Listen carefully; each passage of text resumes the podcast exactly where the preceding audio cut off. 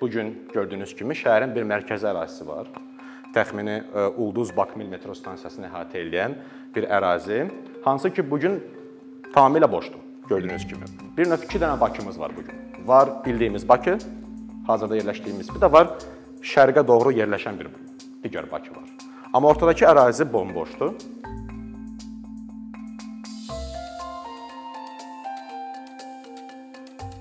Bugünkü müzakirəmizin mövzusu artıq deyilən kimi mədəniyyət və sənaye irsi obyektlərinin yenidən qurulması və təkrar istifadəsidir. Bu gün dünyada olduqca aktual bir mövzudur.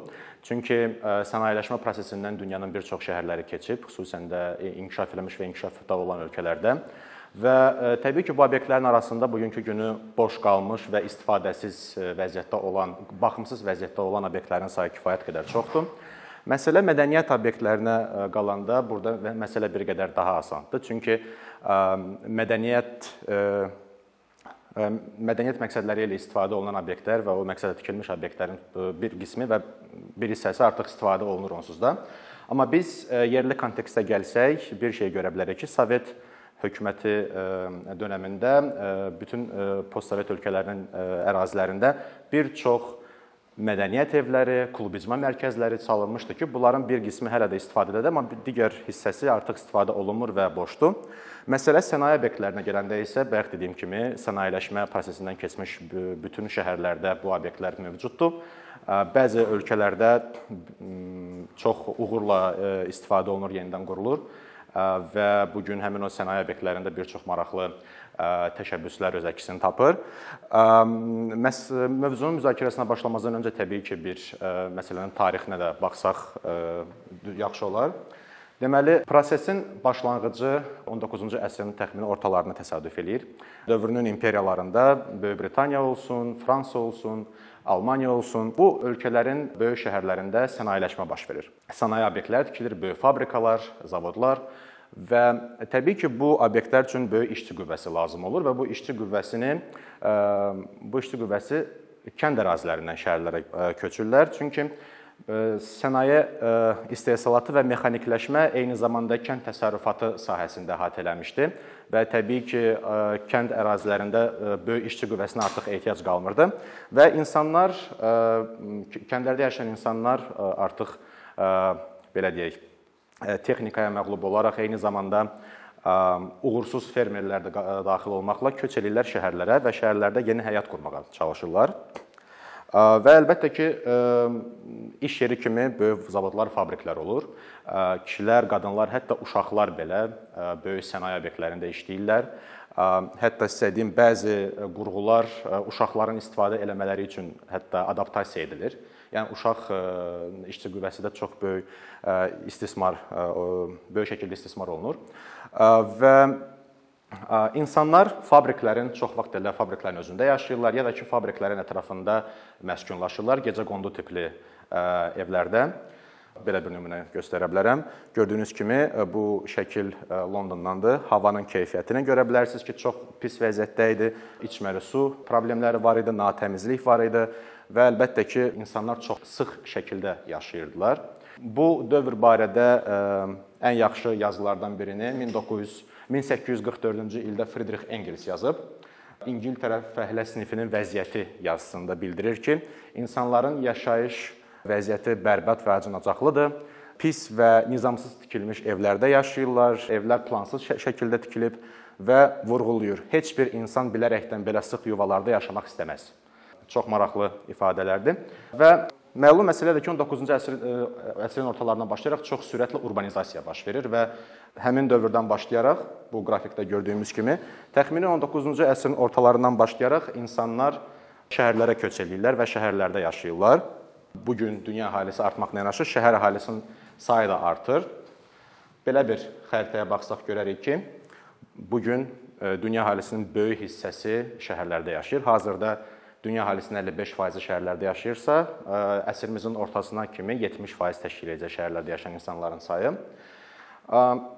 Təbii ki, insanların 19-cu əsrin sonlarında, 20-ci əsrin əvvəllərində yaşadıkları o çətin və acınacaqlı həyat və elə ağır və pis şəraitdə yaşamaları dövrünün memarlarını şəhər mühitinə yenidən baxmağa təşviq eləyir və bu gördüyünüz nümunə məsəl üçün 20-ci əsrin 20-ci 30-cu illərinə təsadüf eləyir. Le Corbusier-nin məşhur fransız memarı Le Corbusier-nin məşhur layihəsidir. Təklif eləyir ki, insanlar hər ailənin öz mənzili olsun. Eyni zamanda şəhərlər 19-cu əsrin sonlarında o sıx və natəmiz də deyil, daha çox geniş şəkildə layihələndirilsin. Gördüyünüz kimi burada çox böyük meydanlar, geniş yollar, geniş küçələr və hündür mərtəbəli binalar yer alır.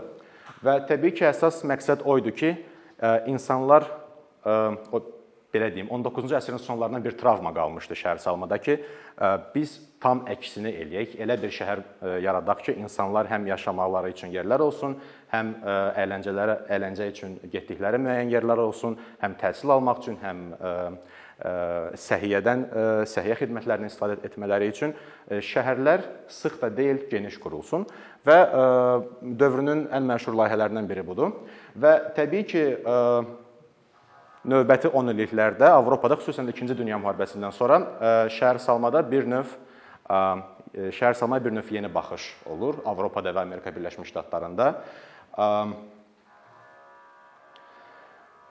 Tarixi mərkəzlər hansılar ki 19-cu əsrin ortalarında sənaye inqilabı dövrünə təsadüf edən tarixi mərkəzlər olduqca kasıb və yoxsul vəziyyətdə yaşayır.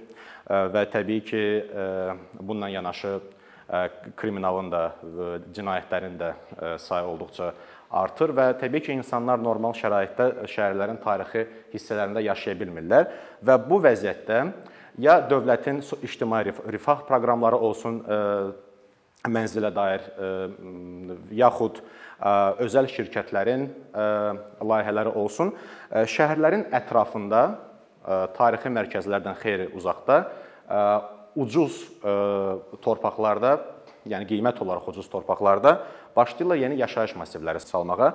Bu gördüyünüz binalar Parisin ətrafın qırağında yerləşən məhəllələrdir. Gördüyünüz kimi çox mənzilli binadır. Yəni bir yaşayış e, məkanı olaraq e, insanlara bəli, mənzillər verilir, amma gördüyünüz kimi məhəllənin ətrafı e, baxımsız vəziyyətdədir. Çünki çox mənzilli binalarda ətrafla, ətraf mühitimizlə kim məşğul olacaq sualının konkret cavabı yoxdur.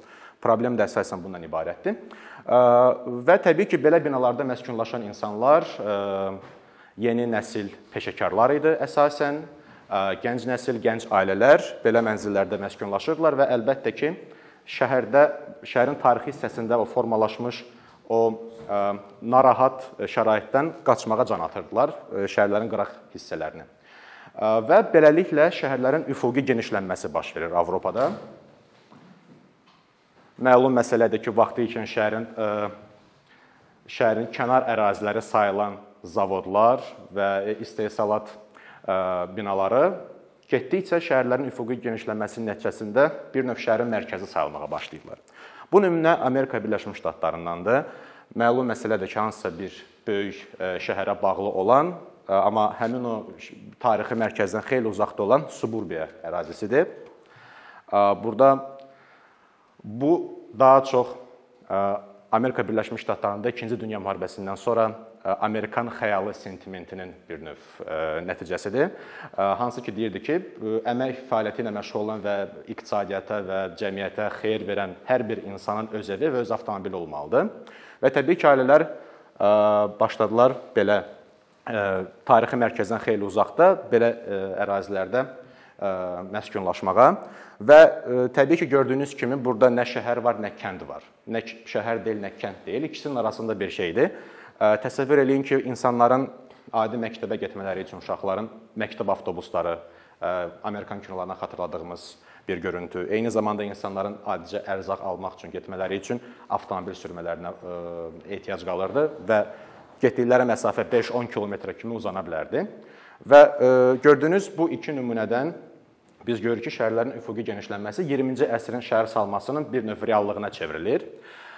Və üfüqi genişlənmənin, şəhərlərin üfüqi genişlənməsi haqqında danışarkən öncə onu deməliyik ki, nəyə görə bu problemdir? Ona görə ki, şəhər şəhər torpağı rəsmi sərhədləri olan dəyərli bir resursdur. Yəni istənilən şəhərin rəsmi sənədləri, sərhədləri olmalıdır və şəhər qonşuluqda yerləşən ətraf əraziləri istismar etməməlidir. Çünki ətrafda yerləşən boş ərazilər müxtəlif müxtəlif məqsədlər üçün istifadə oluna bilər gələcəkdə. Məsəl üçün bu gün dünyada çox böyük inkişaf inkişafda olan şəhərlər üçün bir növ şəhər ətrafına kənd təsərrüfatı sahələri yaradılır və şəhərlər öz qidalarını özləri istehsal etməyə başlayırlar və məsəl üçün belə bir təşəbbüslə çıxış eləsələr şəhərlər təbii ki, sərhədlərdən kənarda bu baş verə bilər. Üfüqi genişlənmə şəhər və qəsəbələrin coğrafi ərazilərinin sürətlə böyüməsinin tək ailəli binaların çoxalmasının və eyni zamanda avtomobillər avtomobil istifadəsinin kəskinləşməsinə gətirib çıxarır. Çox böyük asılılığımız yaranır avtomobillərdən. Eyni zamanda üfüqi genişlənmənin çox vacib bir məsələsi də ondan tərəfi ondan ibarətdir ki, insanlar bəli, daha yaxşı mənzillərdə yaşamaq istəyirlər və bunun üçün mənzil fondu böyüyür şəhərdə və daha çox evlər tikilir, amma Eyni zamanda bir şey də var ki, məsələ artıq tək insanların mənzilə təmin edilməsi deyil. Eyni zamanda insanlar daha yaxşı mənzillərdə yaşamaq istəyirlər deyə ona görə şəhərlərin ətraf ərazilərində çox böyük layihələr salınır. Üfüqi genişlənmənin ən böyük problemlərindən biri də odur ki, enerji istismar edilir, yəni çox qeyri-effektiv şəkildə istifadə olunur. Su, torpaq, hava çirklənməsi baş verir və nəqliyyat sıxlığının nəqliyyat sıxlığının yaranması baş verir. Təbii ki, əgər biz bir yaşayış ərazisini şəhərdən çox xeyli uzaqda yerləşdiriksə, biz ora su çəkməliyik, elektriklə təmin etməliyik ərazini, ondan sonra kanalizasiya ilə, internetlə təmin etməliyik və ona görə bu ərazilərə çəkilən bütün bu xidmətlərin məsafəyə görə qiyməti xeyli xeyli artır və bu şəhər iqtisadiyyatına çox böyük zərbə vura bilər.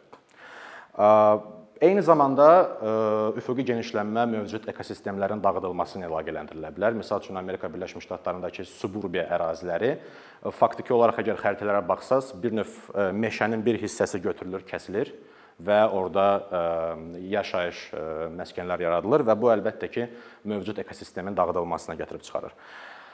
Bunların hamısının bir ortaq məxrəci dünya praktikasında ondan ibarətdir ki, bizim şəhərlərimizi bugünkü günü artıq bir çox ərazilər istifadə edilib, amma boş qalıb. Və bu daha çox həmin o mədəniyyət irsi və sənaye irsi obyektləridir ki, onların o obyektlərdən və obyektlərin yerləşdikləri ərazilərdən bugünkü günü başqa cür biz istifadə edə bilərik. İlk dəfə ilk dəfə bu mövzu 1980-ci illərdə işıqlandırılıb. Əsas səbəb ondan ibarət idi ki, 80-ci 90-cı illərdə qərb ölkələrinin iqtisadiyyatlarında bir xeyli dəyişikliklər baş verdi. Sosial rifah dövlətləri öz əllərinə ölkə iqtisadiyyatını bir növ çəkməyə başladılar və çox özəlləşdirməyə doğru çox böyük bir iqtisadi kurs başladı. Və bunun nəticəsi o oldu ki, bir çox zavodlar, sənayələr, bir çox insanların vaxtı ikən iş yeri olmuş tikililərin bir çoxusu boş qaldı və insanlar işsiz qaldılar. Amma bunun əvəzinə yeni bir iqtisadiyyat gəldi və o iqtisadiyyat e, xidmət əsaslı iqtisadiyyat idi ki, insanlar e, bilik və bacarıqlarından istifadə edərək müxtəlif xidmətlər təklif edirlər və ödədikləri verginin əsasında ölkənin iqtisadiyyatı formalaşır və e, əlbəttə ki, bir an bu boş qalmış binalar müxtəlif ictimai qruplarla doldurulmağa başladı. Bu fenomeni ilk dəfə Amerikan professor, araşdırmaçı Sharon Zukin görür və çox maraqlı bir e, nəticələrə gəlir. İlk öncə deyir ki, əgər ölkənin iqtisadiyyatı dəyişirsə, şəhər də dəyişir. Bu qaçılmazdır. Eyni zamanda Londonun Soho rayonunun nümunəsində deyir ki, görür və deyir ki, bu ərazilərə hansılar ki, tarixi mərkəz sayılır və eyni zamanda bu gün boşalıb, o ərazilərə kreativ təbəqə başlayır toplanmağa və həm ərazinin görünüşünü dəyişirlər, eyni zamanda ərazidə yeni canlanma yaradırlar və iqtisadi e, artıq əlaqələr yaranır ərazilərdə. Bu ərazilər vaxtı ikən olduqca kasıb və cinayət bataqlığında olan ərazilər bugünkü günü dəyişməyə başlayırlar. Eyni zamanda çox böyük vəsaitləri şəhərlərin kənarına çıxardan tikinti şirkətləri görürlər ki, artıq şəhərlərin mərkəzində çox maraqlı canlanma yaranır və çox böyük vəsaitləri artıq şəhərlərin mərkəzinə e, yatırım eləməyə başlayırlar və əlbəttə ki, vaxtı ikən şəhərin mərkəzi mərkəzi ərazilərindən daha imkanlıdırlar deyə şəhərlərin kənarlarına köçməyə can atan insanlar artıq şəhərin mərkəzi ərazilərinə köçməyə can atırlar. Bir vaxtlar yalnız yaşayış və sənaye təyinatlı ərazilər şəhərin bütün icma qruplarını cəlb eləyirlər və artıq ərazilərdə yeni iş yerləri yaradılır və xidmət və kommersiya sektorları yaranır avtomatik olaraq. Şəhərin tarixi mərkəzlərində yerləşən mənzillərin dəyəri artdı və eyni zamanda şəhərlərin mərkəzində vaxtı ikən çox yoxsul və kasıb vəziyyətdə yaşamış insanların mənzilləri xeyli bahalaşdı və onların bir qismi təbii ki, öz mənzillərini ya özəl şirkətlərə, yaxud digər daha varlı insanlara sataraq şəhərlərin mərkəzlərini tərk etməyə başladılar. Belə bir çox maraqlı hadisələr baş verir 80-ci və 90-cı illərdə. Nəticədə bu sənaye obyektləri yeni yaşayış komplekslərinə, ondan sonra mədəniyyət klasterlərinə çevrilə bilər, otellər eləmək olar bu ərazilərdən. Eyni zamanda universitet kampusları olan keçmiş sənaye obyektləri belə var. Mümkün istifadə formaları kifayət qədər geniş olsa və müxtəlif olsa da, amma hər birinin əsas təməl prinsipi ondan ibarətdir ki, əsas məqsəd insan kapitalının qurulması və inkişaf etdirilməsinə xidmət edir. Yəni şəhərlərin mərkəzində baxımsız vəziyyətdə qalmış binalarda biz elə bir canlanma yarada bilərik ki, o eyni zamanda insanların rifahını da yaxşılaşdıra bilər, yeni iş yerlərinə çevrilə bilər və insanların ə, belə deyək, incəsənət potensialını aşkar etmək mümkün olar. Müxtəlif modellər var. Təbii ki, hər bir şəhərin və hər bir ölkənin büdcəsində o dərəcədə böyük vəsaitlər yoxdur ki, bu layihələr həyata keçsin. Əsasən də ona görə ki, köhnə binanı söküb və yerində nəsə yeni bir şey tikmək daha ucuz başa gəlir, nəinki tarixi binanı yenidən bərpa edib ona yeni nəfəs vermək. Ona görə müxtəlif modellər mövcuddur. Əsasən özəl sektorun cəlb edilməsindən söhbət gedir. Özəl dövlət tərəfdaşlıqları yaradıla bilər. Eyni zamanda şəhər inkişaf fondları var. Həm beynəlxalq, həm yerli şəhər inkişaf fondları mövcuddur ölkələrdə. Həm eyni zamanda humanitar fondlar var, hansı ki, hansılar ki öz Hətta təmənnasız belə heç bir əlavə gəlir və faiz gözləmədən belə yatırım eləyə bilirlər və maliyyə ayıra bilirlər. Əlbəttə ki, bu maliyyə mexanizmləri ərazidə mövcud olan bütün aktorları cəlb eləməlidir ki, layihə daha uğurlu olsun. Bu tərəflərin arasında əlbəttə dövlət orqanları ola bilər, torpaq sahibkarları, yerli əhalinin özü, özəl şirkətlər və sair digər bazar iştirakçıları təbii ki, cəlb oluna bilər bu prosesə. Və əlbəttə ki, əgər biz şəhərin özündə yerləşən obyektlərin yenidən inkişaf etdirilməsi ilə məşğul olsaq, biz üfüqi genişlənmənin qarşısını almış oluruq nəticə etibarilə. Azərbaycan daxil olmaqla keçmiş Sovet ölkələrində adını çəkdiyim binalar təxmini 90-cı illərdə öz əhəmiyyətini itirməyə başlayırlar. Əsasən ona görə ki, bəzi bir növ özəlləşdirmə prosesi baş verir. Bəzi zavodlarındakı istehsalat texnoloji cəhətdən onsuz da geridə geridə idi və modernizasiya çox böyük vəsait tələb eləyirdi. Eyni zamanda bəzi zavodlar hələ də ya dövlət ya şəhər balansındadır, bəziləri isə özəlləşdirilib amma baxımsız vəziyyətdədir. Və məkan olaraq bu gün gördüyünüz kimi şəhərin bir mərkəzi ərazisi var. Təxmini Ulduz Bakmil metro stansiyasını əhatə edən bir ərazi, hansı ki bu gün tamamilə boşdur, gördüyünüz kimi. Bir növ 2 dənə Bakımız var bu gün. Var bildiyimiz Bakı, hazırda yerləşdiyimiz, bir də var şərqə doğru yerləşən bir digər Bakı var. Amma ortadakı ərazi bomboşdur. Gəlin buna belə baxaq. Gördüyünüz kimi 2 dənə böyük yol var. Eyni zamanda 2 dənə metro stansiya bir-birindən uzaq deyil. Eyni zamanda Koroğlu stansiyası burdadır.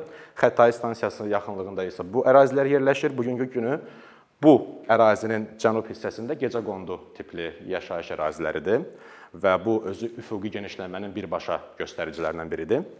Və təbii ki, belə bir böyük ərazidə, şəhərin tam coğrafi mərkəzində yerləşən yerləşdi yerləşən bir ərazidə olduqca çox sayda sənaye irsi obyektləri var, hansılar ki, yenidən inkişaf etdirilərək həm əraziyə yeni nəfəs vermək olar, həm iqtisadi canlanma yarat yaratmaq olar, eyni zamanda əhalini əhalinin ora köçməsini təşviq etmək olar. Eyni zamanda çox maraqlı və yadda qalan, eyni zamanda şəhərin simasında çox böyük bir izi olan yeni məkanların yaradılması mümkündür. Gördüyünüz, yəni təxmini olaraq belə obyektlərdən söhbət gedir. Tək göstərdiyim coğrafi mərkəzdən söhbət getmir. Şəhərin müxtəlif yerlərində bu kimi binalar və keçmiş zavodlar var. Bunların arasında ən məşhurlarından biri təbii ki, Bakı Məişət Kondisionerləri zavodudur, hansı ki, Sovet dövründə tək bu kimi istehsalatlardan biri idi və məlum məsələdir ki, belə bir binanın, belə bir ərazinin yenidən inkişaf etdirilməsi çox maraqlı bir hal olardı. Məsəl üçün buranı bir mədəniyyət klasteri kimi təsəvvür eləyə bilsək, əlbəttə ki, biz burada həm şəhərin və ölkəmizin kreativ təbəqəsinin bura cəlb olunmasına cəlb olunması haqqında danışa bilərik. Eyni zamanda biz burada müxtəlif emalatxanalar yarada bilərik, müxtəlif iaşə obyektləri, kafelər, restoranlar, ofislər və s. Eyni zamanda bu binanın bir mədəniyyət klasteri olması üçün çox vacib və gözəl məqamlardan biri də odur ki, kompleksin binalarının birinin üzərində müəllifi xalq rəssamı Oqtay Şıxəliyev olduğu bir mozaika pannosu var, hansı ki elmi tərəqqi ilə əməyin ahəngini özündə əks etdirir və bu gün Rusiya olsun, Gürcüstan olsun və yaxud Ukraynada belə obyektləri gördüyünüz zaman əlbəttə ki, Sovet dövründən qalmış hansı bir mozaik pannonu da görə bilərsiniz üzərində. Ölkədə hazırda mövcud olan maraqlı nümunələrdən nümunələrdən biri də Salam Sinema nümunəsidir. Bildiyiniz kimi şəhərin mərkəzində yerləşən bir tarixi binadır. Vaxtı ikən Malakanların ibadət evi olub. Hazırda burada şəhərin kreativ təbəqəsi toplanır və çox maraqlı təşəbbüslərlə çıxış eləyirlər. Həm təlim baxımından, həm teatr və kino nümayişləri olur. Eyni zamanda müxtəlif emalatxanalar var. İnsanlar orada öz belə deyək, potensiallarını reallaşdıra bilirlər. Və belə bir məşhur nümunə də var. Bir çoxlarımızın olduğu e, Tbilisi şəhərində Fabrika Tbilisi adında bir ictimai məkandır. Vaxtı ikən tikiş fabriki olub. Bu gün isə dediklərinə görə Qafqazın ən böyük hosteli bu binada yerləşir. Eyni zamanda gördüyünüz kimi binanın xarici görünüşündən gördüyünüz kimi burada e, şəhərin kreativ təbəqəsi toplanır. Eyni zamanda binanın həyət hissəsi var və həyət hissəsində isə müxtəlif iaşə obyektləri mövcuddur. E, daha bir maraqlı nümunə Rusiyanın Sankt-Peterburq şəhərindən Sevkabil Port adlı bir layihədir. Vaxtı ikən e, Sovet dövründə e, bütün Sovet dövlətini elektrik qurğularla təmin etmiş çox məşhur zavodlardan biridir. Düz Fin körfəzinin sahilində yerləşir. Ona görə sahil yanı əraziləri də e, abadlaşdırıblar. Bu dəqiqə yəni şəhər əhalisinin su ilə bir növ kontaktı təmin olunub onun hesabına və eyni zamanda bir neçə binalardan ibarətdir və bu binalarda bugünkü günü dünya səviyyəli sərgilər və bir növ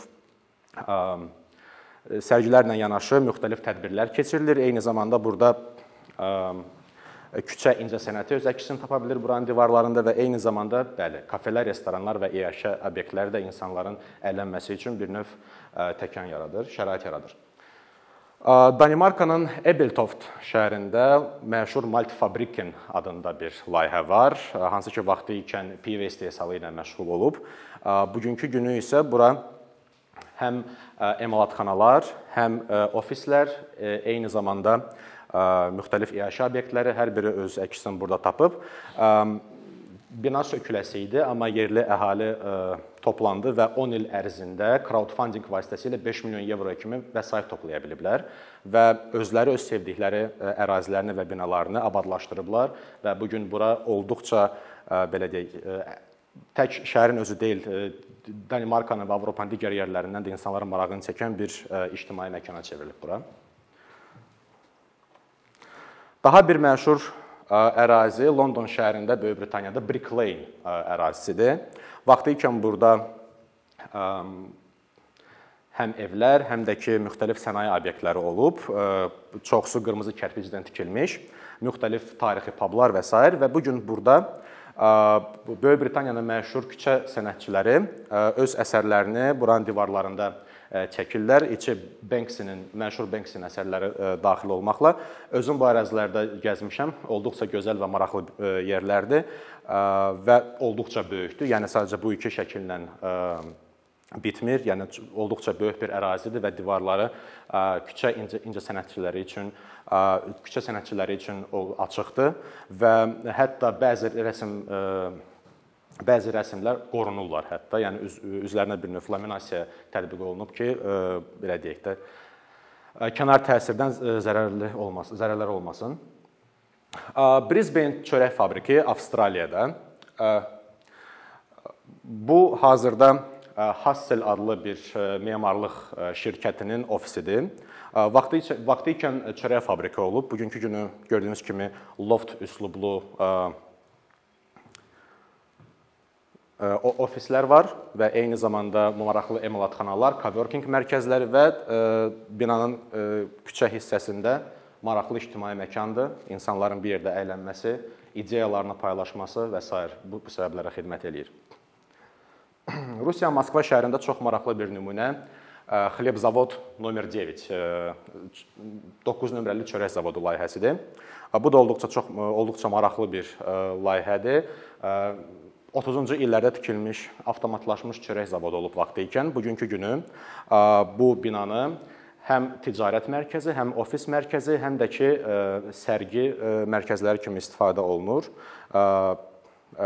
Bir neçə hissədən ibarət ibarət layihədir. İlk olaraq əlbəttə ki, bu birinci gözə çarpan hissəsinin yenidən qurulması baş verir və proses əldə gedir. Olduqca böyük bir kompleksdir. Və daha bir maraqlı layihə GES-2, su elektrik stansiyası 2 Moskvada yerləşir bu da. Düz çay sahilində yerləşir və gördüyünüz kimi çay yanı hissəsini yenidən qurublar və burada ictimai bir məkan yaradıblar. Eyni zamanda binanın özü bugünkü günü bir çox mədəniyyət xadimləri üçün rezidensiya xarakteri daşıyan ofislərdən ibarətdir, emalatxanalardan ibarətdir və eyni zamanda muzey və sərgi kompleksləri də bu binanın içində mövcuddur. Şəhər sakinlərinin və turistlərin olduqca sevdiyi və çox vaxt gəlib çox vaxt ziyarət etdikləri əsas məkanlardan biri də budur. Çox sağ olun.